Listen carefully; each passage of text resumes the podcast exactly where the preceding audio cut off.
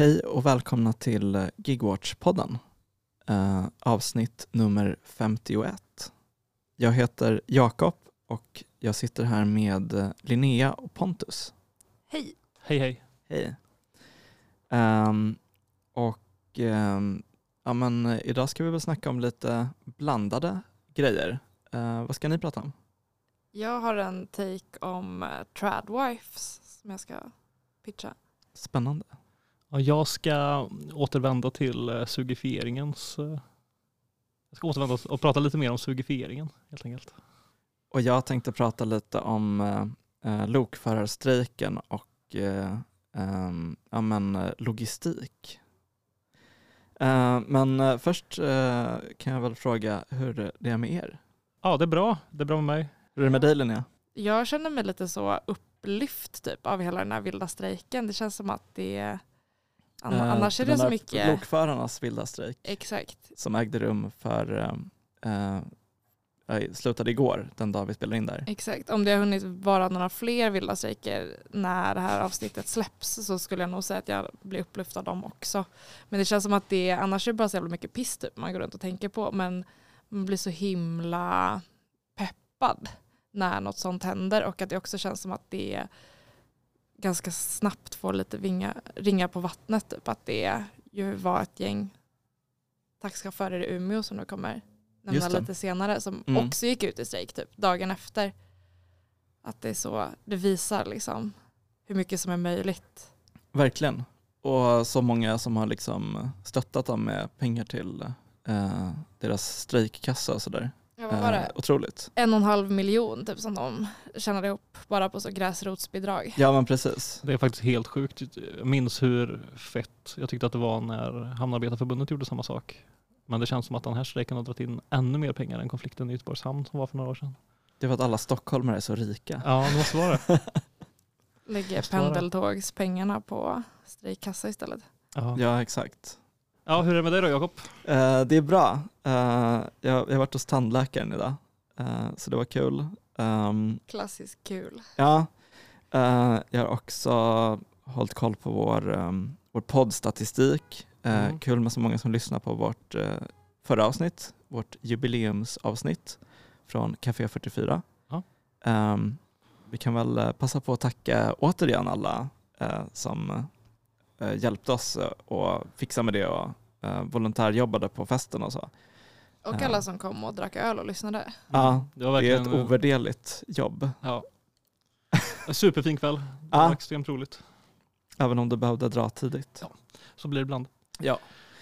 Ehm, men du hade lite nyheter från gigekonomin också va Pontus? Eh, Jag kan säga en liten kort sak. Jag tror att jag pratade om detta tidigare, om att eh, det har de senaste åren eh, funnits en, liksom, en konflikt mellan, jag vet inte om det är en konflikt, men Arbetsmiljöverket har liksom tagit sitt ansvar och ser till att försöka liksom, rita upp gränserna för när olika företag i den här techsektorn eller i plattformsekonomin behöver ta liksom, ett ansvar för arbetsmiljön och inte. Mm.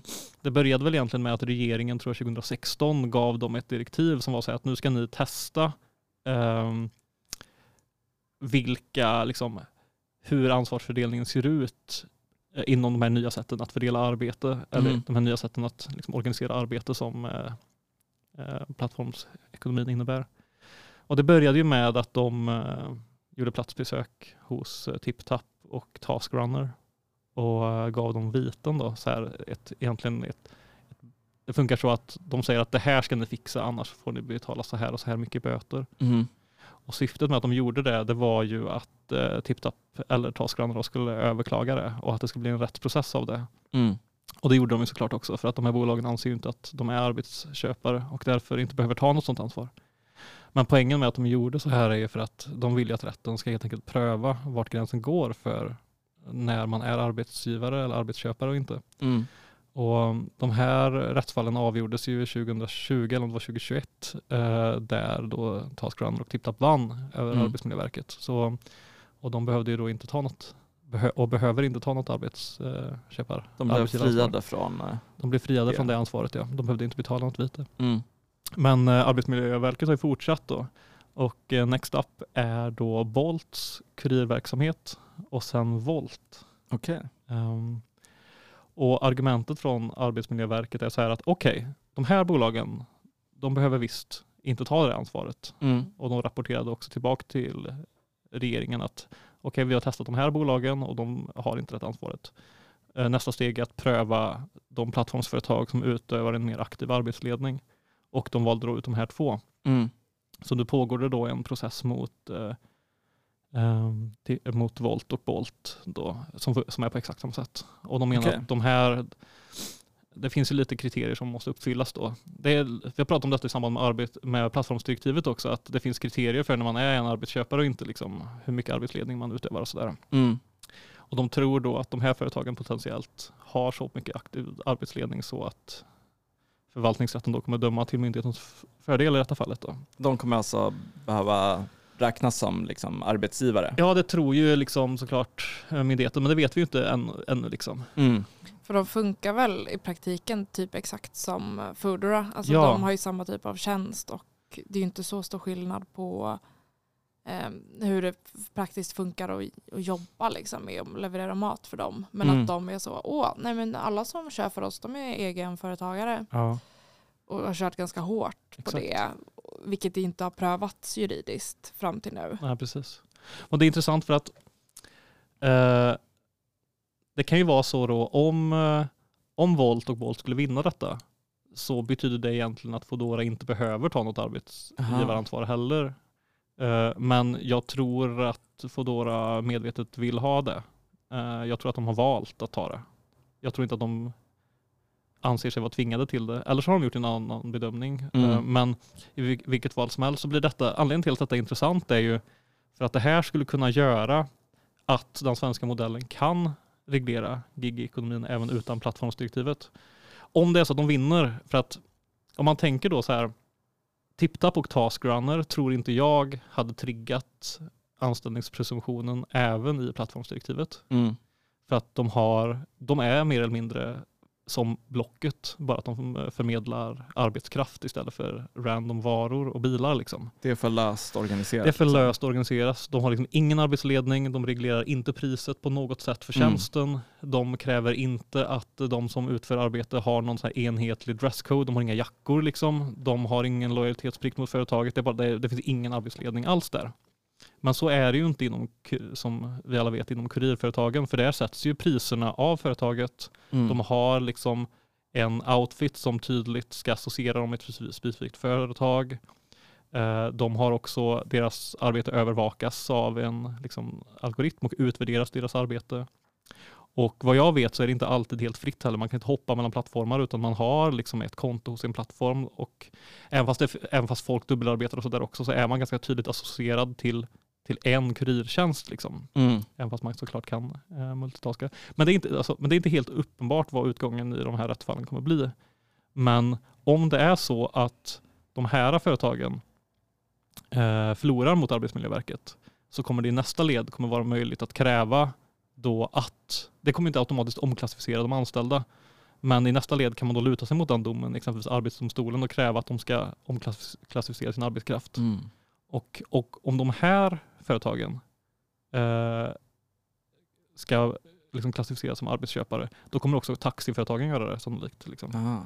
För att de har också samma typ av eh, arbets, eh, liksom lika, lika kontrollerad, lika aktiv arbetsledning som eh, kurirbolagen har. Mm. Så det kanske är slutet för falska egenanställningar i Sverige då? Eller i alla fall en bit av dem. En bit av dem. Samtidigt som, alltså på något sätt, eh, på något sätt liksom tipptapp och den typen av tjänster är ju nästan den mest, alltså det är nästan den värsta formen Ja. av gigekonomi. Att det, det, det är visserligen kanske lite mindre så algoritmisk övervakning, eh, men det är ju det är för att det bygger på helt liksom någon slags själv, eh, självövervakning eller liksom en, en självexploatering eh, för att det ja, man verkligen vilar helt på det här eh, med liksom en jätteintensiv konkurrens mellan alla som jobbar där.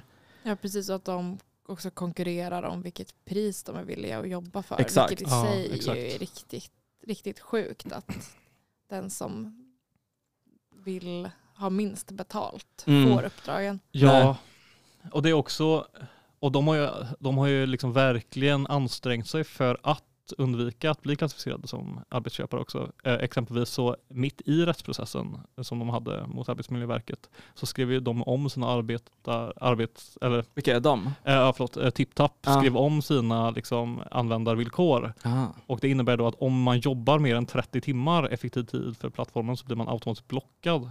Då får man inte jobba mer.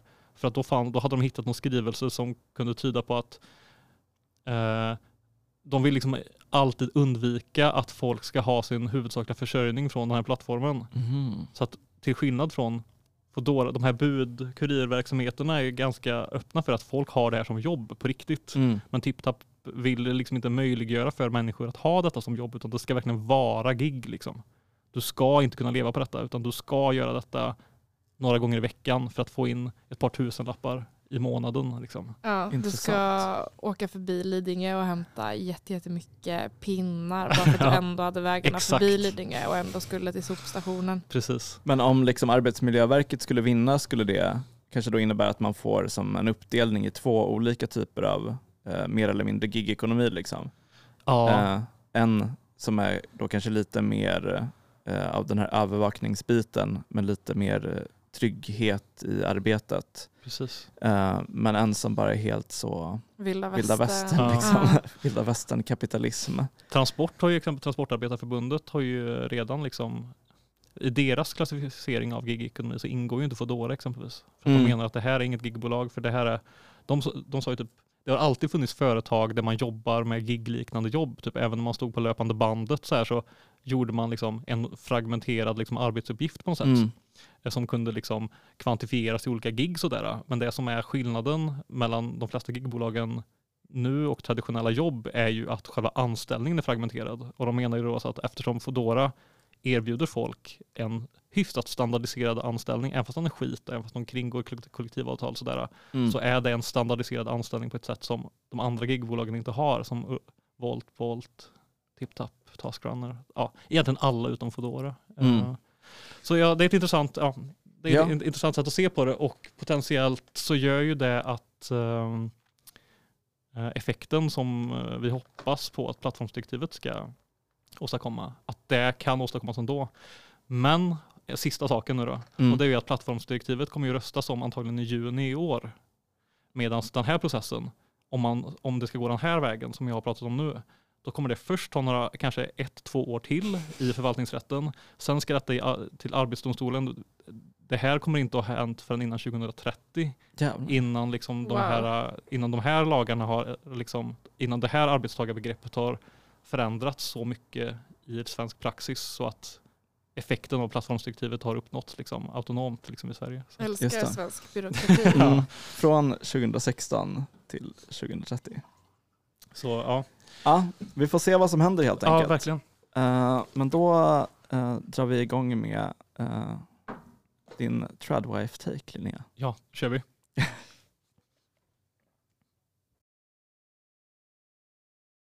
Min grej idag är ett rykande färskt ämne som inte har avhandlats tidigare alls.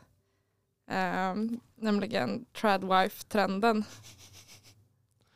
Lite sist på bollen kanske på den debatten nu. Men, men jag har tänkt lite på det. Jag tycker att det är, är ett intressant ämne. Vet ni vad, det, vad en tradwife är för något? Ja, Eh, jag vet tyvärr det. Men det är för att jag sitter på Twitter hela dagarna. är kroniskt online, då vet man Ja. vad Tradwife är. Du kanske kan för, förklara för våra mindre internetförgiftade lyssnare vad en Tradwife är Ja, och vad trenden består i. En tradwife är en kvinna som är en fru. Jag tror inte att man kan vara tradwife om man är singel. Eh, som eh, har eh, valt en traditionell roll som hemmafru. Där man Mm. till exempel flätar lök och instagrammar väldigt mycket och tar hand om hemmet antar jag. Spännande. Exakt, tar på sig olika rutiga hucklen typ. Man har inget jobb då eller? Nej exakt, alltså hela grejen är att man blir försörjd av sin man. Annars är man Mm. nog bara arbetslös tror jag. Mhm. Som har tid att ägna sig åt eh, självutveckling istället. Exakt. Eh, och man kan tänka att så, okej men hur, hur stor är den här trenden egentligen? Det är ju har ju blivit lite hypat på TikTok typ, men de hypar ju allt möjligt konstigt som inte är så förankrat. Men jag läste en artikel i januari i Sydsvenskan om en tjej som heter Isra Alhaj eh, från Malmö som eh, tydligen har blivit rätt stor på svenska TikTok. Hon har Mm. ett av de största svenska TikTok-kontona. Eh, där hon fokuserar just på att visa upp sitt hemmafruliv Mm. eh, in, inom den här tradwife-strömningen eller vad man ska säga. Definierar hon sig själv som en tradwife då eller? Eh, jag kommer inte ihåg om det är så eller om man bara pratar om sig själv som hemmafru. Men och det, hela den här grejen har ju såklart skapat ganska mycket debatt för att man är så, okej men är det inte så ojämställt typ att kvinnor stannar hemma och tar hand om barnen och inte har någon så ekonomisk självständighet.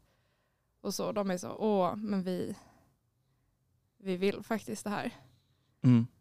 Och det fick mig att fundera lite för att det känns som att det, att dels så är det väl någon slags symptom på en konservativ strömning tänker jag. Kanske generellt att det vinden har vänt lite, att det är inne, inne med konservativa grejer generellt. Ehm, men, men just det här typ att argumentet att så jag, jag vill vara hemma med mina barn istället för att bara jobba hela tiden. Alltså det, det tycker jag egentligen är ett väldigt rimligt argument. Ja. Alltså det, eller i alla fall om man inte så hatar sina barn. Alltså jag har inga barn men, men jag antar att så det är normala grejer man vill göra som förälder om man älskar sina barn är att så spendera mycket tid med dem och så få se dem växa upp och inte så behöva sitta på ett kontor eller liksom jobba ute någonstans. Om man älskar lök vill man fläta den också. Ja exakt, det kan ju också vara en drivkraft beroende på hur man är lagd. Men liksom, man vill spendera tid med sina barn så jag kan tycka att det konstiga i sammanhanget är väl inte alls egentligen att kvinnor vill vara hemma med sina barn utan att männen uppenbarligen är helt fine med att typ inte träffa sina barn och bara så lämna över typ hela föräldraledigheten och ännu mer tid eh, som de inte får träffa sina barn alls. Mm. Det jag tycker känns sjukt är att eh, man vill sätta sig i den beroendeställningen till sin man. Om man bortser från att det är nice att få eh, tid bort från lönearbetet. Skönt såklart att få spendera mycket tid med sina barn och ägna sig åt rekreation på heltid. Vem vill inte det? Men att eh, jag tänker att arbetarrörelsen och den feministiska rörelsen jobbade sig bort från det idealet av en anledning liksom, för att det blir, eh, man blir fucked av det. Liksom. Ja men exakt, alltså, det, jag hade inte sagt nej till att så bara kunna chilla hemma typ hela tiden och ändå ha en inkomst liksom och kunna göra vad jag vill istället för att behöva jobba. Men Men, förlåt. det är ju verkligen den lilla parentesen då att det är en snubbe som drar in pengarna liksom och då som man blir satt i beroendeställning till. Men du sa att hon hade var ett av Sveriges största TikTok-konton. Mm. Men hon tjänar inga pengar på det eller? Ja, alltså jag antar att hon tjänar pengar på det. Hon hade gjort Så hon är inte Fake en riktig, hon är bara tradwife Fredrik Kopsch. Hon är en entreprenör, hemmafru.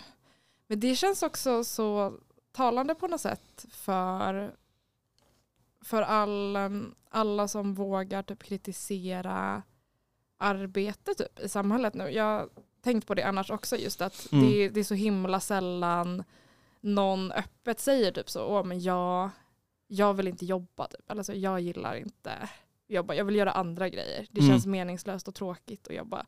Det är så himla sällan det görs. Men när det görs, då är det alltid för att sälja en livsstil. Eller att det blir som ett pyramidspel. Alltså jag, läste, jag läste någon sån friluftstidning typ ganska nyligen där, där de var inne på lite samma spår. Att de hade intervjuat några kvinnor som var så, vi, vi fick nog. Vi vill Mm. inte jobba längre. Vi vill inte behöva sitta inne fina dagar och bara så knacka på någon jävla dator istället för att vara ute och göra något nice typ i skogen eller uh, umgås med familjen eller vad som helst. Eh, och det de hade gjort då var att de hade flyttat till Åre och blivit outdoor influencers istället. Och då kände jag mig lite lurad. För det, För de pratade om det typ som att så alla, alla kan göra det här. Bejaka den här känslan av att du har fått nog av ditt jobb. Säg upp dig, flytta till Åre, börja göra samarbeten med ja, Fjällräven eller något sånt antar jag. Ja. Och det känns bara som ett så pyramidspel. Ja. Alltså, Nej, men att de, verkligen. de kan sälja den, eh, den idén om att slippa jobba Mm. och då slipper de jobba. Eller jag antar att det är ett jobb typ. Att visa upp att man inte jobbar. Ja men alltså de får ju uppenbarligen pengar från en massa företag även om man kan säga att ja, men det är inte ett riktigt jobb eller liksom. Alltså uppenbarligen så är de ju anlitade av företag för att liksom göra reklam för eh, ja, men, skidor eller vad fan man nu gör som outdoor influencer i Åre eller Kåsor kanske. lökflätor. Ja exakt. Känns som att det finns ett potentiellt överlapp här. En sån outdoor hemmafru. Typ. De, är- de är finansierade av Big Scout. Men det känns, Ehm. så, det känns som att, det, att de ändå slår an typ på något, ett korn av sanning i att så det, jag tänker att det är jättemånga som går runt och känner att så det, det är meningslöst att jobba. Ja, Typ, eller så, jag vill inte jobba. Eller jag kanske vill jobba lite men inte så mycket som jag gör. ja. Men att man, det enda sammanhanget man får höra någon erkänna typ den känslan är, är när de ska sälja på en någon jävla skit. På Men inte- TikTok eller Instagram. Men inte så den manliga motsvarigheten till den liksom influencer tradwifen, en så aktiekille.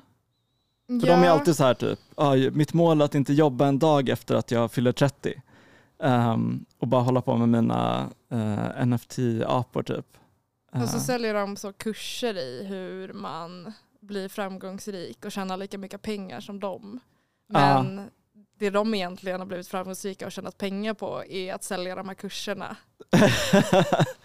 ja, precis. Eller att eh, liksom, ja, men delta i något så liksom krypto pyramidspel som Eh, bygger på att en massa människor förlorar pengar. Så att man själv kan tjäna pengar. Men det är intressant, eh, för jag tänker att eh, ehm, alltså inte hela den här influencer liksom grejen, är inte den väldigt mycket en produkt av liksom den ekonomi vi har haft i samhället de senaste åren? Så jag vänder mig till Pontus, vår, vår chefsekonom. Det finns väl no ganska många sådana spaningar såklart, när det finns mycket pengar i omlopp.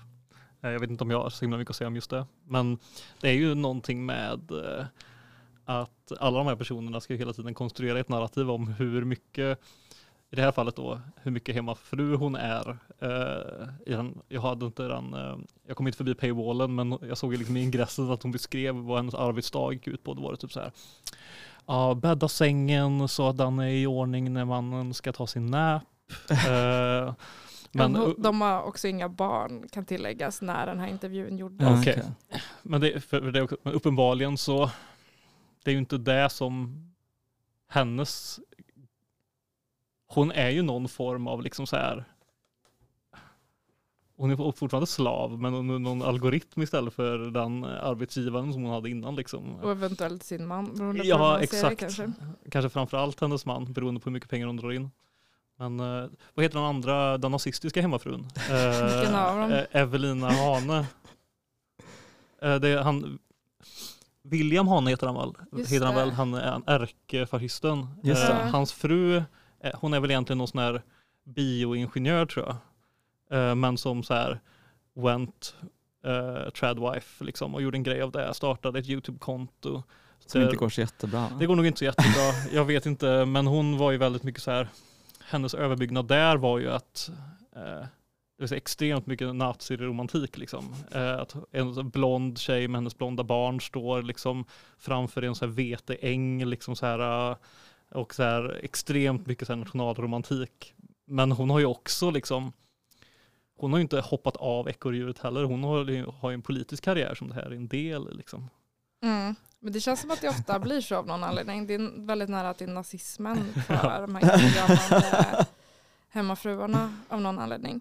Men det jag funderade på som fråga till er är, är tradwife-trenden den nya arbetskritiken. Det hoppas jag verkligen inte att han är. nej, det hoppas jag inte heller. Men det är ju, Men tror ni det? eh, nej det tror jag inte. Nej jag tror inte heller det. Eh, eller alltså det är en väldigt dålig arbetskritik. Den, det känns ju inte som att den liksom kommer mynna ut i någonting. Alltså, så här, ing, alltså det är omöjligt att alla kvinnor i Sverige blir tradwives. För att lönerna är liksom, alltså lönerna är inte på den nivån för män som de var när liksom folk hade hemmafru, eller när folk hade hemmafru, när kvinnor var hemmafruar. Alltså det är omöjligt att liksom supporta en familj på en liksom standardlön. Och därför går det inte att det kommer tillbaka. Ja, marknaden för Instagram-konton som visar upp olika syltar, typ också flätade lökar, Ja. blir väldigt snabbt mättad. Ja. Ja, precis. Och de flesta kommer inte kunna liksom ta vidare det till en så politisk karriär. Och, och kanske framförallt inte då um, Evelina Hane. Ja, det, Ehm, det, är- men det väl, det väl verkligen exakt det som är grejen att det finns inte så himla, de som, eh, de som ska bli tradwives måste egentligen bli influencers, det är det de blir. Liksom. Ja. För att bara bli en hemmafru eller bara bli en tradwife, ingen har råd med det liksom, om man inte har, Om man har en ganska rik man kan man ju ha om man har en, ja absolut, absolut. Eh, Men det, då, är, då har ju den trenden funnits jättelänge. Liksom, pengar. Ja, med det är liksom. väl det som är grejen. Alltså, återgång till... Så själva trenden är väl inte, jag, jag tänker liksom, alltså någon rik gubbe som har en fru som, jag vet inte, driver ett galleri eller någonting eh, med fula oljemålningar. Um, alltså den, den grejen har väl funnits jättelänge. Uh, trenden känns som, alltså det känns som att trenden inte är att folk blir tradwives utan trenden är att folk kollar på uh, tradwives på TikTok liksom. Um, Vilket i sig fångar i alla fall en ganska eh, det är ju ändå en strömning, det är ändå en konservativ strömning. För det intressanta är väl just det du säger att Att det finns ett intresse, Att det finns ett intresse för det. följare. Det är kanske är det som är det nya. Och det kanske bottnar i någon form av arbetskritik liksom, eller i samhället. mm. Men det finns, jag, tror, jag tror inte att de liksom, materiella förutsättningarna finns för att det skulle bli någon ut, för att det här ska vara ett fenomen som på riktigt sprider sig. Liksom. Mm. Utan det känns snarare som att det kommer vara tre personer i Sverige som kommer kunna göra den här grejen för sen är det mättat liksom. Och de andra har inte råd så länge de inte har någon eh, giglord som eh, pojkvän liksom. Mm. Nej men verkligen, men eh, alltså där, jag, jag har liksom tänkt i de här tankebanorna tidigare, men inte med liksom tradwife-grejen eh, som utgångspunkt, utan som jag sa tidigare med liksom aktie, kryptokillar liksom. Ja. Mm. Och det är exakt samma sak på något sätt, för alla kan inte bli en så kryptomiljardär eh, eftersom det bygger på att liksom ingen annan är det. Alltså, Mm. och det är exakt samma sak med att vara en hemmafru-influencer. Eh, det kan liksom inte, alltså så länge vi inte typ, jag vet inte, hittar ett sätt att visa TikTok-videos jättesnabbt för folk så att de kan, jag vet inte, förlänger tiden eller någonting. Så att folk kan ta in content från fyra och en halv miljard, eh, eller fyra och en halv miljon hemmafru-influencers så kommer man inte kunna försörja sig som det. Ja. men det är ju Ja. verkligen sånt pyramidspelupplägg.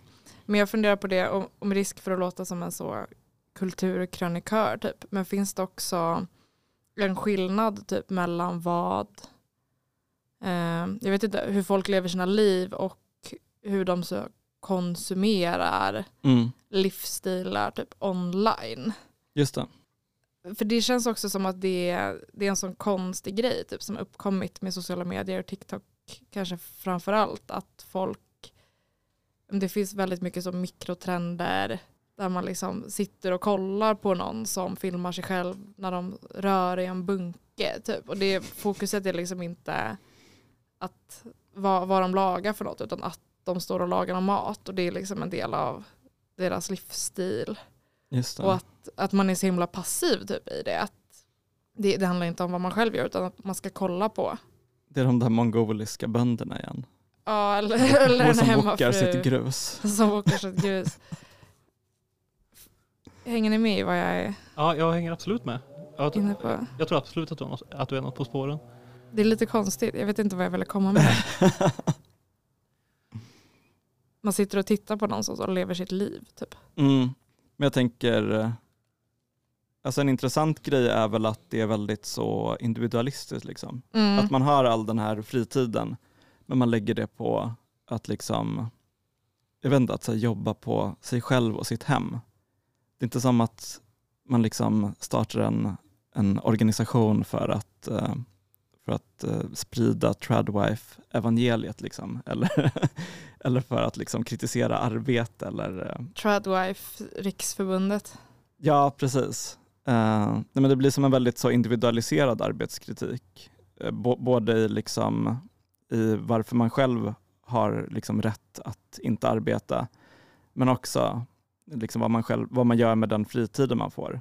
Eh, och det är ju intressant.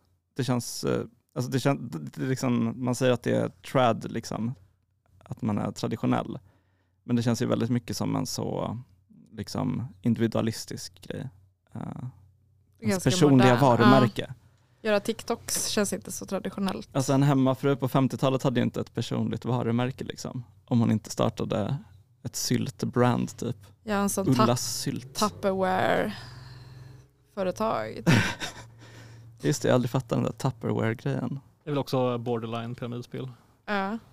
Just, just det, för det är att typ så här, pyramidspel. just det, det är typ så hemmafruar i USA som säljer Tupperware-prenumerationer. Ja, det var också jättestort i Sverige också. Mm. Ehm, att man eh, har uh, middagsbjudningar med sina vän, vän, väninnor och säljer man Tupperware-grejer runt, runt i en ro rotation liksom. Men det måste ha blivit dödat när liksom Big Pack-glassen kom. Ja, det har ju typ helt dött. Så jag antar Ja. att det var i ungefär samma tid som Big Pack kom till Sverige. Ah, Okej, det var den som utrotade hemmafruarna första omgången. Exakt. Nu är de tillbaka för att äta babasuko, Ja. fänkålssmak. Men har vi någon sista spaning på Kanske att liksom, det känns som att det finns två stycken lite olika strömningar i liksom hemmafru-grejen, entreprenörs eller så här influencer hemmafru-scenen. Mm. Den ena känns som den eh, artikeln som du länkade. Som har, det känns som att den har en så himla entreprenöriell underton. Liksom. Mm. Att det handlar om att hon ska liksom så här, jobba på sig själv, jobba på sitt eget personliga varumärke och få tid till typ, så här, självförverkligande på något sätt. Ehm, samtidigt som att hon uppfyller sina, liksom, eh, sina, sin del av äktenskapet. Typ bla bla bla.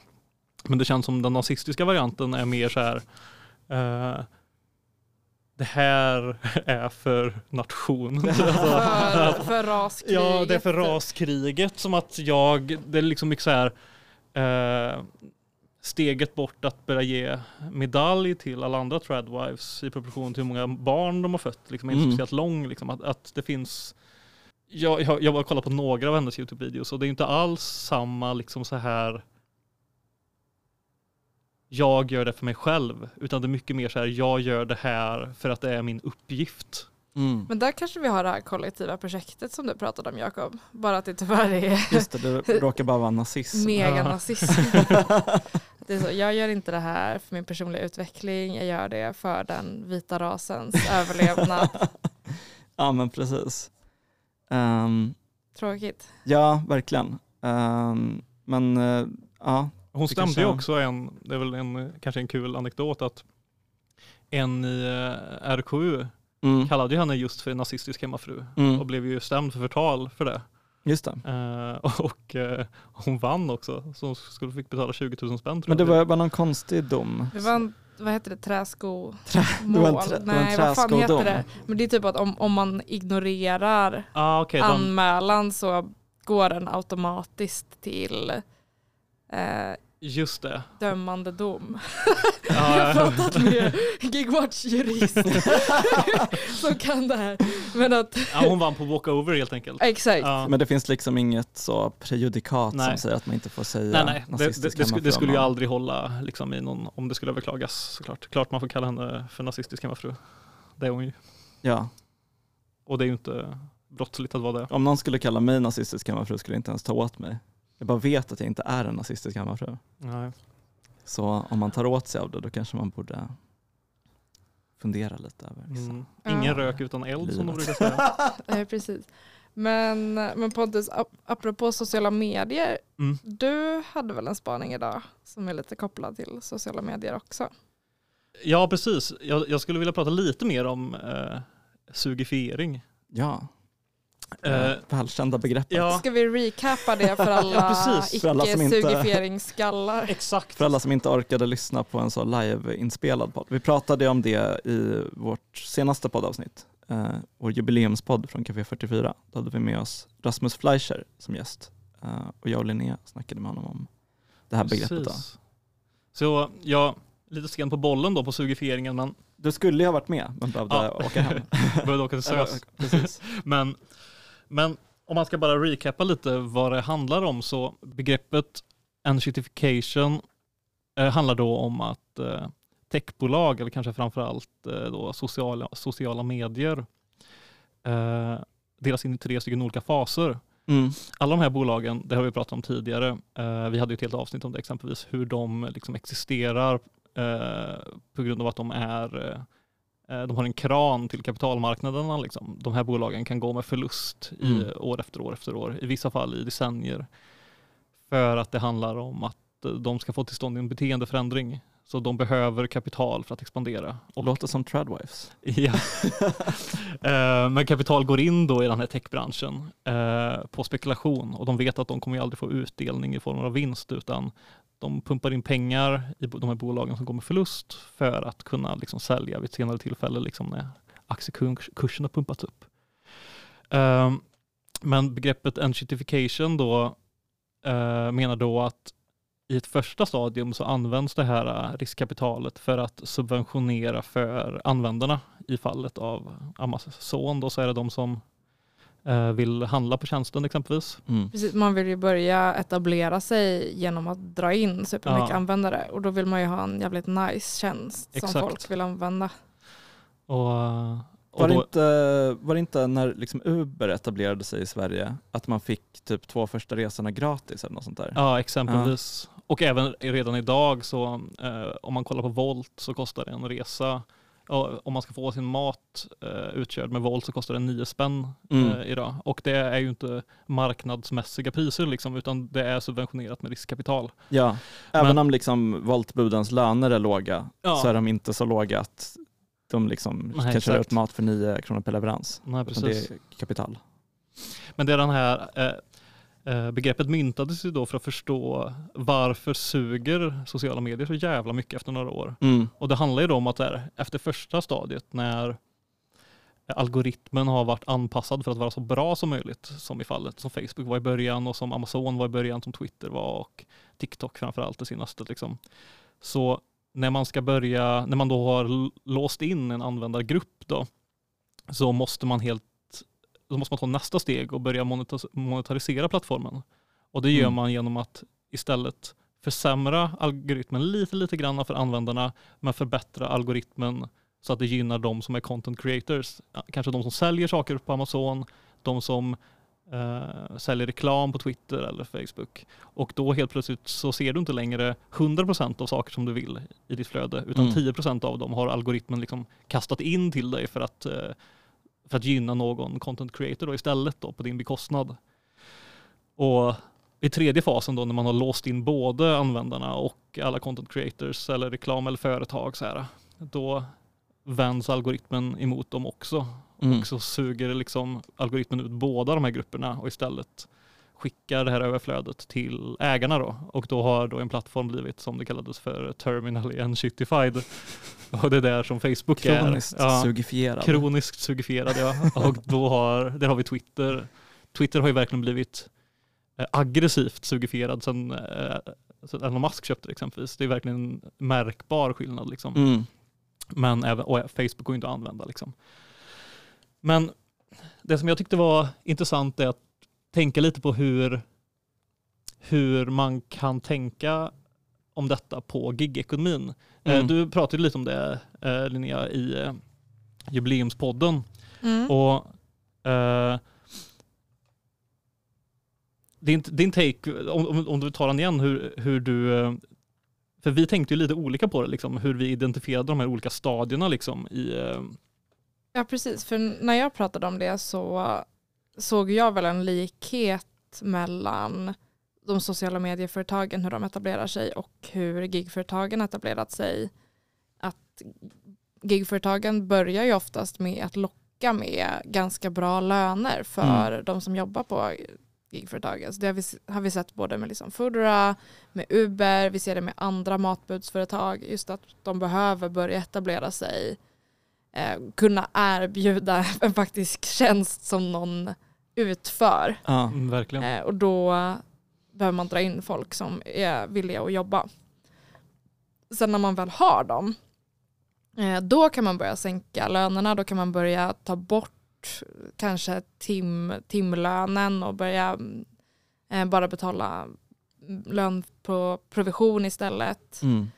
Eh, och samtidigt så vill man så många restauranger till exempel som möjligt ska ansluta sig om det är en matbudsapp. Eh, så alla restauranger ansluter sig, plattformen växer och blir så stor eh, att du i princip eh, är tvungen att vara på den, använda den om du är en restaurang för att du ska få några kunder. Mm. Eh, och då börjar man ta ut väldigt höga avgifter även för restaurangerna. De, de sitter liksom i en rävsax. Att så här, plattformen är så stor så att de måste vara där. Eh, men det kost, de blöder liksom samtidigt Mm. pengar hela tiden till, eh, till plattformsföretaget. Och det är lite samma som vi ser just med sociala medier.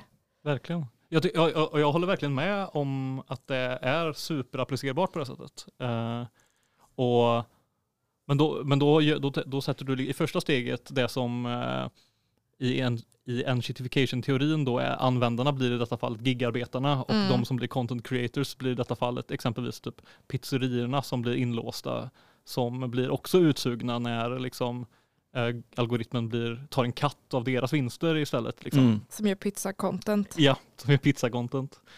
Och sen Eh, sista steget är väl liksom så spökkök och eh, att liksom plattformarna börjar liksom producera sin egen mat för att typ eh, Just liksom prisdumpa. Ja, precis som konkurrerar med de vanliga Ja. restaurangerna. Att man har en d- matfabrik driven av Foodora som säljer likadana pizzor men som kanske är lite billigare. Exakt. Mm. Än vi den Dark lokala Stores pizzerian. exempelvis. Då.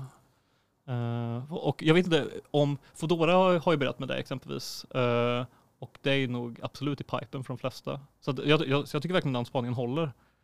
Eh, jag tänkte, man kan också utgå från, det finns en, en amerikansk journalist som heter Derek Thompson som har skrivit mycket om ett begrepp i USA som heter eh, The Millennial Lifestyle Subsidy.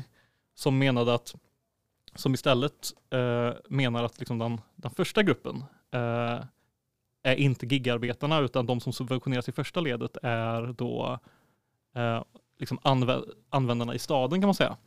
De som köper tjänsten. De som köper tjänsten, exakt. Att han har skrivit mycket om så här, hur New York var, eller Manhattan framförallt var så här, ground zero för lanseringen av eh, nya helt så här, absurda plattformsföretag som med hjälp av så här, riskkapital subventionerade eh, liksom, mer och mer långtgående liksom, tjänster som eh, om man levde i Manhattan så kunde man så här använd våran app och signa in på den när du äter på en restaurang så betalar vi hela maten. Eh, gör det här, gör det här via vår plattform så får du tusen spänn. Alltså, att det, fann- det fanns liksom så mycket kapital i omlopp som kunde sub, subventionera, subventionera dumma tjänster så att det gick liksom att leva typ gratis i Manhattan bara på det här riskkapitalet. Så att så han menar liksom att när då den här krisen kom för eh, kapitalet som det blev nu när räntorna gick upp så var inte det bara ett, ett, en, liksom en kris för techsektorn utan det blev då en kris för liksom en generation av så här urbana medelklassmänniskor i städerna som hade liksom de, sen krisen 2008 liksom mer eller mindre haft en livsstil som subventionerats av kapital. Liksom, som då fick sin livsstil en shittified. Och, men då kan man tänka så här. Ner till normal Ja, nivå. exakt. Men då kan man tänka, okej men eh, om man ska Micken. vilka, mm, vilka är då den andra gruppen då? Och då kan man tänka så här, Eh, om det då är användarna eh, som konsumerar från tjänsten som är den första gruppen som subventioneras, varf, vilken är då den andra som ska låsas in? Och då tänkte jag så här att det som skiljer gigekonomin från eh, kanske en, ett socialt medium är att det finns i samhället ett en liksom aldrig sinande eh, servicearbetarklass arbetarklass som, på, som liksom av strukturella skäl liksom sondmatas in i gigekonomin. Liksom. Mm. För att vi har ett helt samhälle som är liksom uppbyggt på att allting, liksom hela samhällets, liksom, för att kunna ta del av samhället på liksom ett rimligt sätt så krävs det att du har ett arbete. Men vi har samtidigt systematiserat att vi ska ha massarbetslöshet. Vi har en jämviktsarbetslöshet som ska vara 6-7 procent. Eh, vilket gör att, och vi har en, liksom en långtgående process av, av industrialisering som gör att servicesektorn växer och växer och de här personerna måste, det måste skapas jobb åt dem och vi har en liksom arbetslinje som, som disciplinerar dem som inte rättar sig i ledet. Mm. Vilket gör att gigekonomin behöver liksom aldrig fjäska för den här delen av liksom ekvationen i gig- gigekonomin så som Amazon behöver fjäska för alla försäljare av varor på Amazon. För att låsa in dem så behövs gigarbetarna behövs inte låsas in. De behöver aldrig liksom de behöver aldrig göra någonting för dem. De kan liksom behandla dem som slavar för alltid tills dess att det, krävs, tills dess att det, det krävs liksom någon, det krävs någon helt annan politik på samhällelig nivå för Mm. att plattformsföretagen ska behöva gynna den här gruppen för att knyta den till sig. Det var, det var kanske det som var min take på det här, att det som skiljer gig, man kan se det som så, att det som skiljer gigekonomin från exempelvis Twitter är att eh, de behöver aldrig någonsin fjäska för deras content creators. För content creators matas in i deras munnar med sked av samhället. Liksom. Ja, precis. För det idealsamhället enligt borgerliga politiker är att det ska stå massa folk på rad och bara vara desperata typ att ta första bästa jobb för att inte dö. Mm. Och då Det kan man verkar ju bara, nästan så ibland. Ja men precis, men då kan man så skopa upp dem bara och ge dem ett riktigt keft jobb. Så där blir ju sugifieringen eh, har egentligen bara två steg där. Och det är då att först med riskkapital låsa in i en användarbas. Och när man har låst in användarbas, användarbasen så kan man liksom omdirigera kapitalflödet till sig själv och till sina ägare. Man behöver aldrig låsa in gigarbetarna för att de står på kö. Mm. Men, Just De det. måste. Man är redan inlåst i liksom Ja. ekonomin. I kapitalismen. Men själva köparna av de här matbudstjänsterna och taxitjänsterna, de känns det ju som att företagen inte har slutat fjäska för. Eller som du sa tidigare Pontus, just att det kostar så 9 kronor typ att få mat hemlevererad. Mm. Så det är ju väldigt förmånligt om man gillar att köpa mat. Det Jag här är blev, inte ett ja, samarbete. jag blev väldigt förvånad när jag såg det för att man, vi, har, vi har ju liksom Men var det något så förstagångserbjudande? Jag, Typ? jag, jag tror inte det. Ehm, för att vi har ju pratat om tidigare att både såväl Bolt och Uber har ju höjt liksom sin katt som de tar Mm. från eh, taxichaufförerna. Och eh, liksom Klarna har sparkat tusentals personer, Spotify sparkar personer. Det är ju, saker pågår ju i techsektorn när deras investerare helt plötsligt kräver att nej men nu är festen över, nu vill vi att ni börjar tjäna pengar. Men eh, det var därför det var lite tidsotypiskt att se att Volt fortfarande erbjöd så helt löjligt, så gränslöst låga priser. Mm. Um, kanske får gräva lite mer i det. Se vad Men är det på. liksom, är, är det för att målet är att eh, blir det liksom eh, kvarvarande, dominerande Ja. gigföretaget kanske? Ja, visst. Ja. Ehm, uppenbarligen har de riskkapital kvar att ta av eftersom de beter sig så här. Mm. Vilket är sjukt, för jag fattar inte riktigt, eh, det här har jag sagt många gånger, men jag fattar inte riktigt hur, eh, eller vad investerarna tror att de här vinsterna ska komma från i slutändan. Jag tror inte att de bryr sig om det. Ja, okej. Jag tror inte att, de behöver, jag tror inte att vinsterna behöver komma någonstans ifrån. Utan jag tror att om man investerade i Uber 2016 eller Mm. i Volt eh, 2019 så gjorde man det mot bakgrund av en, eh, en techboom. Man Mm. gjorde det på spekulation med tanken av att med värdet på, mina, värdet på mitt ägande kommer stiga helt oavsett om företaget Ah. tjänar pengar eller inte. Så det spelar liksom inte så stor roll om företaget använder det kapitalet för att liksom täcka upp sina förluster eller om jag kommer få liksom utdelning på mina aktier på nästa årsstämma. Det är, inte, det är liksom inte så intressant. Mm. Så länge börskursen går upp så är det ändå en liksom investering som kan rättfärdigas. Det är bara som en, liksom, ett värddjur för eh, investeringar. Ja. Liksom. Det är ju ett pyramidspel Ja. på riktigt om vi ska nu tala om pyramidspel. Eh, Men det är ju inte så, alltså techsektorn följer ju alltså så många hundratals miljarder som ra- utraderades när räntorna steg. Liksom. Mm. För, det, för det var ju som en bubbla som brast där. Liksom. Ja, Jag Mm. fick hem något sånt pensionsbesked typ. Att jag skulle få 400 kronor i pension. Och förra året skulle jag fått 500 kronor i pension. Mm. Så det känns som att det hände något däremellan. Mm. Ja, verkligen. Spännande. Mm. Lite mer, eh, oroväckande. Men jag vet inte, men jag funderar på om sanningen ligger någonstans däremellan liksom, som du beskriver Pontus. För att å ena sidan så vi har ju ändå kunnat se, alltså rent konkret, att företagen, gigföretag, när de etablerar sig, går in just med bättre villkor för de som arbetar för att sen sänka dem.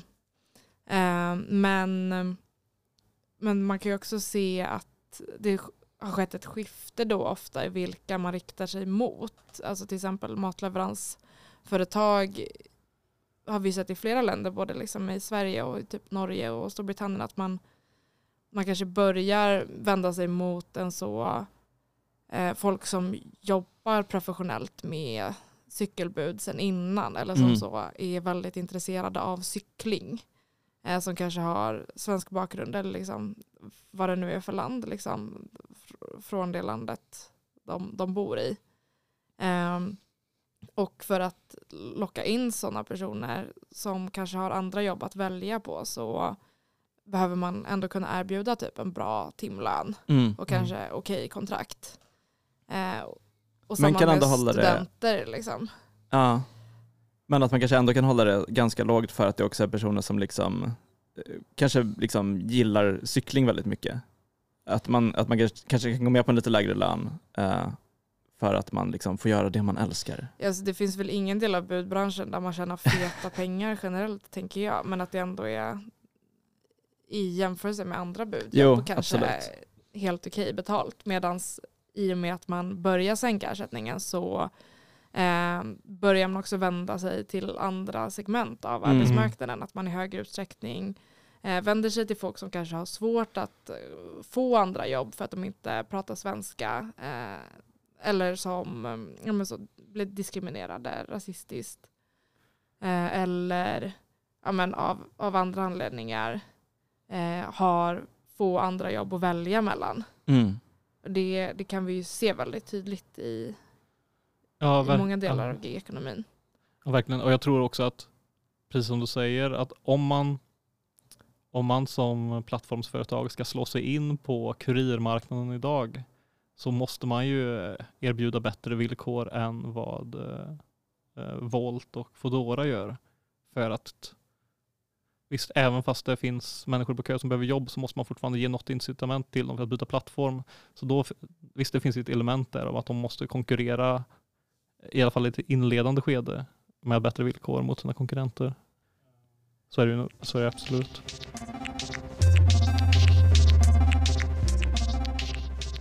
Vad ska du bjuda på idag? Eh, ja, men jag tänkte eh, prata lite om um, lokförarstrejken som har varit i Stockholm Mm. nu i, uh, nu när vi spelade in det så var det att den tog slut igår faktiskt. Eh, vi spelade in på torsdagen och eh, strejken var mellan måndagen och onsdagen. Ehm, men eh, jo, jag har följt det här såklart i, på sociala medier och i media och på andra ställen. Ehm, och jag har tyckt att det har varit intressant att läsa liksom, om den här vilda strejken då bland anställda på MTR, det här företaget som sköter pendeltågen i Stockholm. Mass Rail Transit står det för, eller något sånt där. Tror jag. Okej, det har jag aldrig hört tror jag. Ja, men från Hongkong tror jag. Ja, ja det, exakt. mm. Ehm, Vad, vad skiljer en vild strejk från en ovild strejk? För de som inte är Ehm.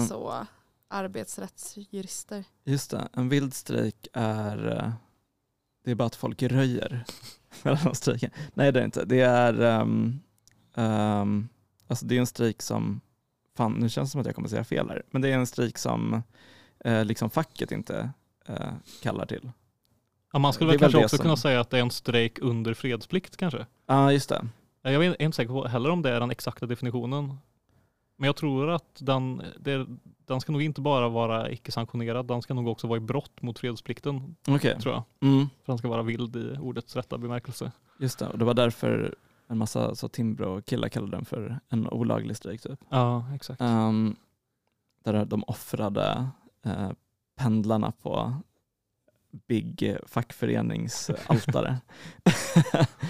um, nej men ehm, jag läste en artikel i Aftonbladet i alla fall av Rasmus Landström eh, som eh, konstaterade då att service och transportsektorn uh, alltid har varit liksom en av de mest så konfliktfyllda uh, branscherna under liksom kapitalismens hela historia egentligen. Alltså från liksom hamnar på 1800-talet till uh, ja, hamnar idag och uh, transporter av olika varor och sådär. Um, och alltså det är väl ganska lätt att man får den här bilden av att liksom den klassiska strejken är i en fabrik, att man liksom stoppar det löpande bandet. Um, och uh, ja, men så är det väl inte riktigt om man tittar historiskt, inte enbart i alla fall, utan det har varit väldigt mycket liksom, uh, strejker och uh, blockader och sånt vid liksom de här vad ska man säga, flaskhalsarna i infrastrukturen. Uh, och framförallt då hamnar kanske har, har väl varit en väldigt viktig sån. Um, och Ehm, ja, men att eh, det liksom finns mycket så eh, kampvilja i eh, liksom servicesektorn eh, är väl inga nyheter heller om man lyssnar på den här podden. Liksom. Ehm, bara den här vintern har vi sett två stycken eh, väldigt stora så taxistrejker i Stockholm som ehm, ja, men gick ut väldigt mycket på att en massa taxichaufförer dök upp med sina bilar och körde på liksom Sveavägen eh, och andra liksom centrala leder i Stockholm. Ehm, jag tänker också liksom ett annat exempel på en liknande så liksom användande av flaskhalsar i staden. Det är ju de här blockaderna som miljörörelsen har genomfört med återställ våtmarker och sådär. Just det, Ehm, mot vägar typ. jag? Att de har varit mot vägar. Nej men de har ställt sig Ja, precis. Ja, och blockerat dem typ, motorvägar. jag tänkte att du menade att de demonstrerade mot vägar. Alltså jag trodde det först men det var, så var det tydligen inte alls utan det handlade ju bara om de här våtmarkerna som Mm. är säkert jätteviktiga. och som säkert folk har byggt vägar på. Så de är säkert emot vissa vägar. Ehm, men liksom alla de här eh, sakerna, liksom, lokförarstrejken, uh, taxidemonstrationerna och eh, Eh, de här miljöblockaderna, det är ju ehm, ehm, händelser som har väckt väldigt mycket debatt och uppmärksamhet. Ehm, och just det, samtidigt som lokförarna strejkade kan man säga också så var det en strejk bland eh, taxichaufförer i Umeå som verkar ha gått bra också, att de fick igenom något krav mot arbetsgivaren. Um, men i alla fall, uh, jag funderade lite på det här med uh, logistik liksom Mm. Eh, och eh, kopplingen till så arbetarrörelsen och eh, liksom facklig eller utomfacklig kamp på arbetsplatsen. Liksom. Ehm, så jag valde att gräva ner mig lite i det och läste en text av en ehm, marxist, tror jag, som heter Jasper Burns i en tidskrift som heter Endnotes. Ehm, och den här texten utgår liksom från logistik på en väldigt så global skala. Ehm, typ att man snackar mer om så här containerhamnar än liksom Foodora-leveranser. Ehm, men jag tyckte ändå att det var väldigt intressant i relation till eh, det vi brukar snacka om eh, här i podden. Liksom. Ehm, och huvudpoängen i den här texten är väl att liksom, logistik eh, som, som liksom, jag vet inte vad man ska säga, som system Eh, det är någonting mer än bara liksom en effektivisering av leveranser som det kanske ofta liksom framställs eh, eller som man tänker på det. Um, han menar ju snarare att logistiken är ett slags vapen eh, som är väldigt effektivt i att liksom motarbeta organisering bland arbetare um, och eh, liksom att kringgå de framgångar som fackföreningar uppnått i liksom vissa länder i termer av villkor och levnadsstandard och sådär. Och det här görs då genom outsourcing eller hotet om outsourcing också, är ju också ett väldigt liksom potent vapen. Just det, för logistik handlar väl just om alltså flöden av typ varor och råvaror som man transporterar mellan olika länder, olika fabriker och ja, de liksom precis. förädlas på vägen och det är från, från att de grävs upp eller vad det nu är till, till att det är färdigtillverkat och skickat någonstans där någon ska köpa det. Ja, det finns väl någon sån viral bild med typ någon burk med konserverade päron eller någonting och så har den skeppats från typ eh, Indonesien till Argentina till så tillbaka till Indonesien och sen till Danmark eller något sånt. Um, Man kan säga som alltså, i direkt anslutning till det du sa så eh, finns, jag kommer inte ihåg den exakta siffran men en stor majoritet av all liksom, handel som bedrivs internationellt eh, är inte liksom mellan företag utan inom företag. Mm. Det är mm. så här företag som eh, liksom vertikalt integrerade företag som så här handlar med sig själva liksom och deras underled i samma, så det är liksom bara stora så här, språlande liksom, mm. eh, konglomerat som har handel inom företaget. Liksom. Nej men precis, och då kanske man odlar bildelar typ för att kunna ja, skruva exakt. ihop bilen. Exempelvis, ja precis. Uh. Och då kanske man liksom odlar päron i det landet där det är billigast med så här päron plockar arbetskraft och sen så konserverar man päronen i det landet där det är billigast att konservera saker. Mm. Uh, och sen så... Det är därför vi får alla tomater från Holland trots att det är det sämsta landet typ, att odla tomater i. Ja, uh, det är väl det sämsta landet, punkt. det är sant. Nu kommer jag inte ihåg varför de kommer från Holland men det är någonting att det typ är väldigt förmånligt Aha, att, okay. Eh, att tillverka tomater även om det inte är så bra väder där för tomater. Ja, det låter extremt sjukt. Om man köper lådvin också så är det så här, det är odlat i Italien och sen är de pressade i typ något sånt här hippt ställe i Malmö. Men sen är de pressade druvorna sen så skickade till Thailand för där som paketeras Oj. den här liksom lådvinet och sen tillbaka till Sverige där det säljs, säljs på bolaget. Just det, de skickas till Malmö, till någon farm utanför Malmö där det bor någon hippie som gillar att Exakt. trampa på druvor.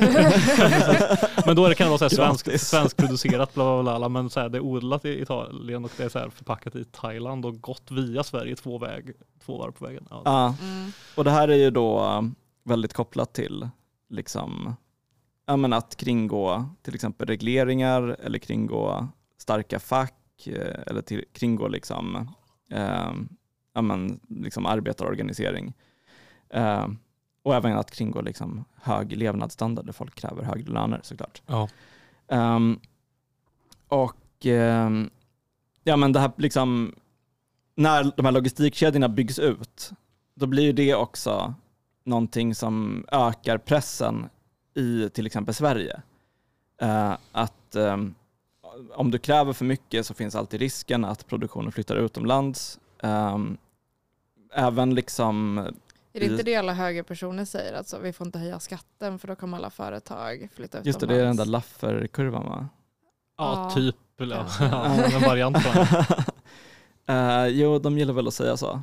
Uh, men um, på ett sätt finns det väl också så här en realitet i det. Uh, nu, nu, säger jag inte att de har rätt, liksom. men... Uh, Nej, men jag tänker uh, att det hänger ihop med den logistikgrejen. Att de ja, kan verkligen. åka någon annanstans om det är billigare där och fortsätta bara skeppa runt alla sina prylar runt hela jordklotet. Typ. Ja, och uh, ja, det är väl liksom möjligt att göra på ett helt annat sätt idag än vad det var för hundra år sedan. Liksom.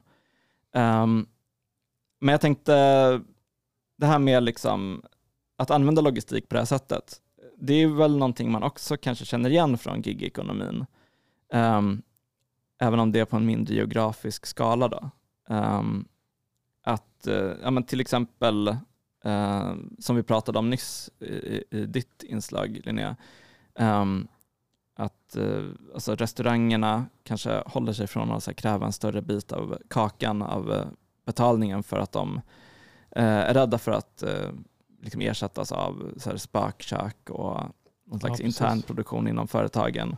Mm. Um, det var väl Pontus inslag, men min spaning. Ja, det var din spaning. Sorry. Men den här logistikvärlden, det är ju inte någon helt så automatiserad värld. Um, utan det är ju liksom en, en del av arbetsmarknaden som sysselsätter en massa människor och som sysselsätter liksom allt fler människor i takt med att eh, man så logistiserar samhället. Um, och på något sätt så tänker jag att liksom när logistiken används som ett vapen från arbetsgivarnas sida uh, så ger de liksom omedvetet, eller medvetet på ett sätt också säkert, uh, en massa makt till de här uh, personerna. Um, och jag tänker att i grova drag kanske man kan säga att Eh, liksom införandet av sådana här logistiksystem eh, de sänker möjligheterna till maktutövning på liksom, alltså inom den fasta produktionen, den platsbundna produktionen, eh, samtidigt som de ökar möjligheterna till maktutövning i liksom någon slags cirkulation av varor. Um, och det är väl där sådana liksom blockader och liknande aktioner kommer in. Um, när liksom transporten blir en allt viktigare del av produktionskedjan Uh, då behöver man liksom inte en typ nyckel till en fabrik för att kunna stoppa produktionen, utan det räcker att så, limma fast sig på gatan och uh, fighta bort Jan Emanuel som försöker lyfta upp en. Um, mm. Och uh, ja, det var väl det jag hade läst där och uh, sen så satt jag och funderade lite över det här. Uh, jag vet inte, alltså ett pendeltåg fraktar ju inte varor. Eh, Om inte människor varor, nej. Men där, jo precis, uh, det, det är väl är en... Arbetskraftvaran. Ja precis, och även kunder liksom. Just alltså på något sätt stoppar man ju upp någon slags ekonomisk cirkulation genom att folk inte kan röra sig på det sätt som de rör sig vanligtvis. Mm. Men det tyckte um, jag var intressant just, just med den här vilda strejken, att det var ju någon höga person som hade räknat fram någon siffra, typ hur, hur många miljoner mm. de här John, tre dagarna. John Norell. Tack för att du kommer ihåg hans namn. Uh, men så att det kostade typ så 130 miljoner att pendeltågen stod stilla mm. i tre dagar. Och, och, det är ju väldigt mycket pengar. Um, men jag tyckte också att det är ju ganska intressant i relation till vad konflikten faktiskt handlade om. Uh. Och det är att de vill ta bort en av de två personerna som eh, jobbar på pendeltågen. Mm. Det är en som kör och sen är det en som eh, sitter i mitten och så hjälper till typ.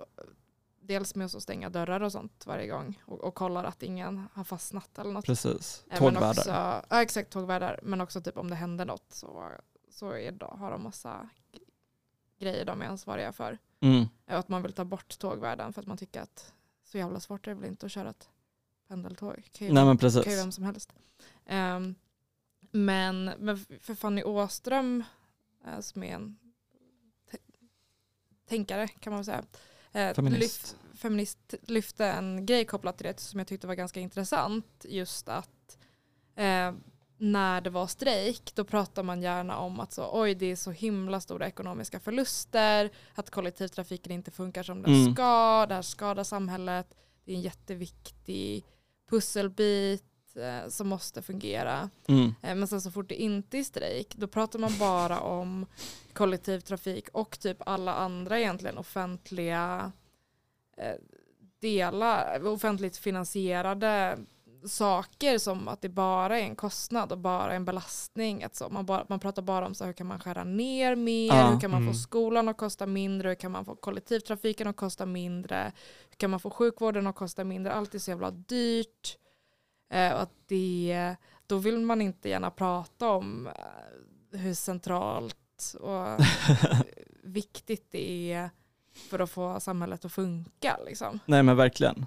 Alltså det är ingen eh, sån Timbro-ekonom som gör sådana kalkyler när det är så löv på spåren som hindrar tåget från att åka. Ja, eller när man drar in eh, avgångar typ för att så, det är för dyrt att köra buss till olika ställen. Ja. Jag tycker det är en extremt bra spaning hon gör och jag tycker också att det talar för liksom, tankarna om den liksom, sociala fabriken som är liksom, vanlig så här, italiensk marxism. Att man ser mm. liksom inte det går liksom inte att se på, det går inte att göra distinktionen mellan vad som är produktivt och inte produktivt i ett samhälle liksom, utan samhället är så, har blivit så genomgående verifierat och även liksom det gemensamma som inte är på något sätt under marknadens logik fyller också en funktion för kapitalet som är produktiv, som har ett värde som uppenbarligen Timbro också kan mäta liksom, när, det Mm. väl, eh, När det passar. när det passar. Ja. Att det finns liksom det, och, och det knyter också an till liksom så här vilka former av motstånd är möjliga att göra så här,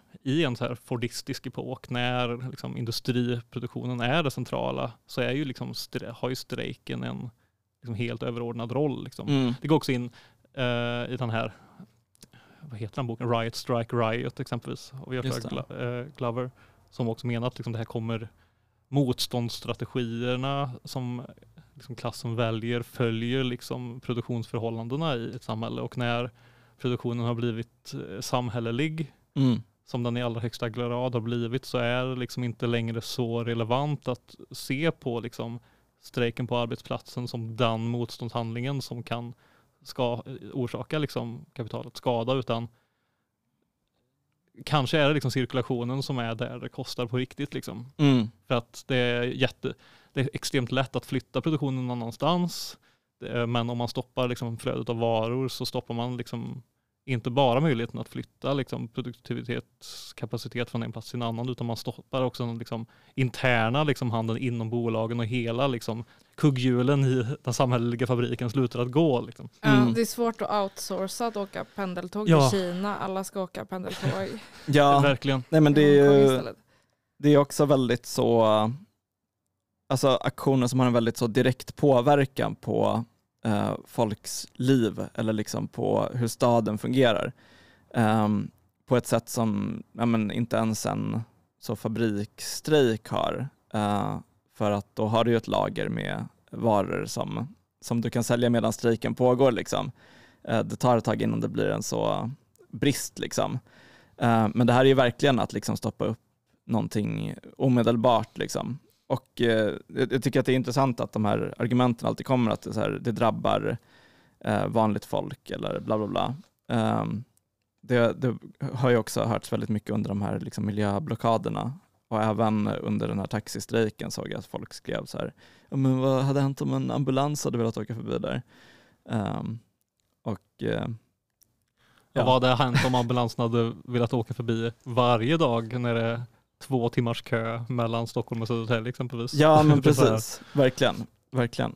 Ehm, nej, men en eh, grej jag tänkte på kring det här också, eh, som också förenar lite den här liksom, lokförarstrejken med diskussionerna kring gigekonomin och sådär.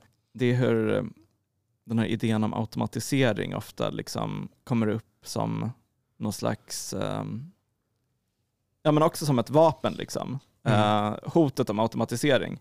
Just det, för de här tågvärdarna skulle ju ersättas med lite så kameror typ vid dörrarna Ja men precis. Exakt. Ehm, och eh, den här John Norell återigen då.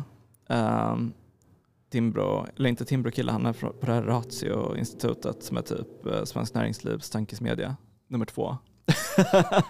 Den lite för många. mindre kända Ja. tankesmedjan från Svensk Näringsliv. Privat forskningsinstitut vill de kalla sig. Ah, okej. Men det är Timbro som betalar. Så. Eller Näringsliv som betalar. Um, men han skrev på Twitter eh, också så här, ja men det kanske är dags att ersätta lokförarna med AI snart, för den strejkar i alla fall inte. Ehm, och då kommer jag att tänka på efter att uh, Foodora hade tecknat ett kollektivavtal uh, för övrigt, liksom, ehm, då, ehm, då var det bara någon vecka efter som Foodora liksom la upp en bild på så här, det här är vår nya matleveransrobot. Just det, den här lilla som kör runt. Ja, exakt. Som man absolut aldrig har sett sedan eh, dess. Som ser ut som en liten lootbox bara. Det är det enda jag kan tänka när jag ser den. Man öppnar den och ja, äter alla nuggets som är där i. precis. Ehm, jag såg nyligen att ehm, ehm, vår, vår vän Rasmus uh, Hjort i Danmark, eh, som är ett så fackligt eh, aktivt cykelbud där, eh, han hade lagt upp någon screenshot på den här roboten när den hade kommit upp i dansk media. Så jag antar att de hade kört exakt samma grej där. Då. Hade, Eh, hade de fått försökt hade de försökt få kollektivavtal där också?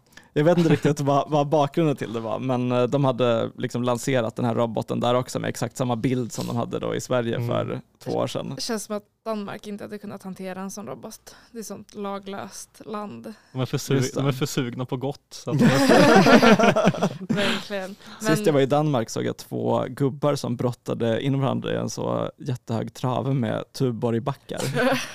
det är en Danmark normal moment. dag i Danmark. Den hade blivit lotad innan de hade kommit fem meter på de danska gatorna. Men, men så det är ju liksom på något sätt att man använder automatisering eller teknik Mm. som ett, ett hot eller liksom vapen. Att Mm. vi kommer ersätta dig med, med en robot typ eller sån AI.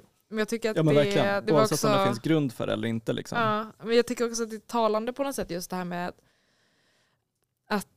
det som man pratar om som automatisering eller så effektivisering eh, kanske i själva verket är att man bara flyttar fler uppgifter till någon annan. Alltså Mm. som att om man ska ersätta tågvärdarna med kameror men i själva verket så blir det då den som kör pendeltågen som får supermycket mer ansvar själv att Mm. hålla koll på att det inte sker någon olycka och liksom utrymma tåget och vad fan det nu är. Eh, Så att man i, i själva verket kanske bara har flyttat över allt jobb till den snarare än att kamerorna på något sätt utför samma funktioner som tågvärden Mm. hade kunnat göra. Nej men precis, och samma liksom om man skulle ha ett så, ett AI, fan vad dumt det låter som ett AI-styrt tåg. Vad ska du göra liksom, skriva en så, låttext? Eh, Alltså det finns men ju eh, så här, automatiserat tåg. Eh, Det finns ju liksom olika långtgående försök liksom med självkörande tåg. mm. Eh, Men, Men måste det ändå inte sitta någon kille i Laos med en så joystick som han drar i om tåget måste bromsa? Jag kommer inte ihåg hur det är. Jag har fan läst en kurs om det här. Eh, Men det är ju inte så lätt. Alltså, det är ju lätt att vara så, åh, vi kan ha en AI, den är jättesmart och så kan Mm. den tänka som en människa. Men så är det ju inte riktigt. Det är ju väldigt mycket andra typer av system liksom man måste införa då. Mm. Eh, Som också kan sluta funka. Ja, och de här liksom matleveransrobotarna är ju uppenbarligen, alltså det är bara korkat för att det är så himla dyrt i relation till att ha ett underbetalt cykelbud. Ja. Liksom.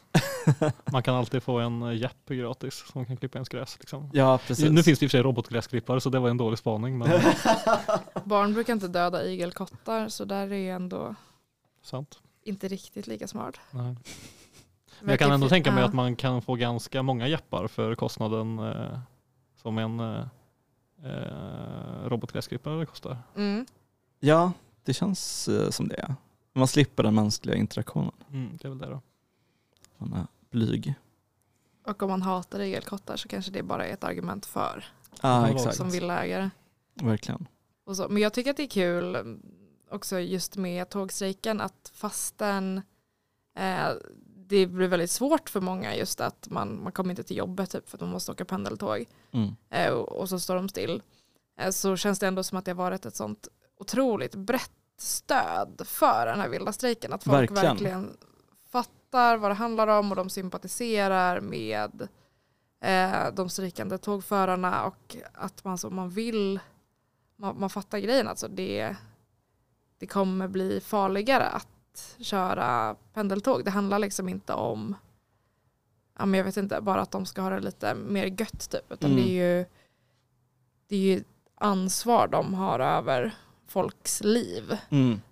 som, som kommer bli mycket svårare eh, att ta ansvar för när man gör sådana här nedskärningar. Mm. Ja, och det vill man inte liksom ha. Man vill inte ha ansvar för någonting som man sen vet att man inte kommer kunna hantera. Alltså, det är ju en fruktansvärd så, arbetssituation. Ja. Eh, Det var väl också en, eh, jag minns inte vem det var, men någon arbetsrättsjurist som menade att eh, det här kan ändå få eh, bli underkänt. Liksom. Liksom lag, att det är olagligt att ha Mm. ensamarbetande på tåg på grund av att det är en så hög så här, psykosocial stress för eh, arbetare att jobba ensamma på tåg med ansvar för över tusen personer. Så att det kan liksom vara olagligt helt oavsett vad MTR och eh, Stockholms stad väljer att göra. Mm. Men jag Nice. tänker på de här fallen där det varit barn som har dött typ på sådana vårdboenden typ eller i skola för att det har varit de har skurit ner så mycket på personalen Mm. att personalen omöjligt kan hålla reda på alla barn och så, så springer de typ och drunknar. Eh, och så blir personalen dömda för det. Mm. Alltså det är ju exakt den situationen på något sätt som lokförarna också riskerar att hamna i. ja men Som verkligen. de har gått i konflikt mot. Vad händer om någon får en stroke? Ska de liksom dra handbromsen på tåget så att för, lokföraren ska liksom... Vad händer om lokföraren får en stroke? Vad händer om lokföraren får en stroke? Visst, eh, men det är så här, ja, nej. Ska vi eh, börja runda av? Ja. Mm. Eh, tack, för att ni, tack för att ni lyssnade på dagens avsnitt. Stort tack. Tack.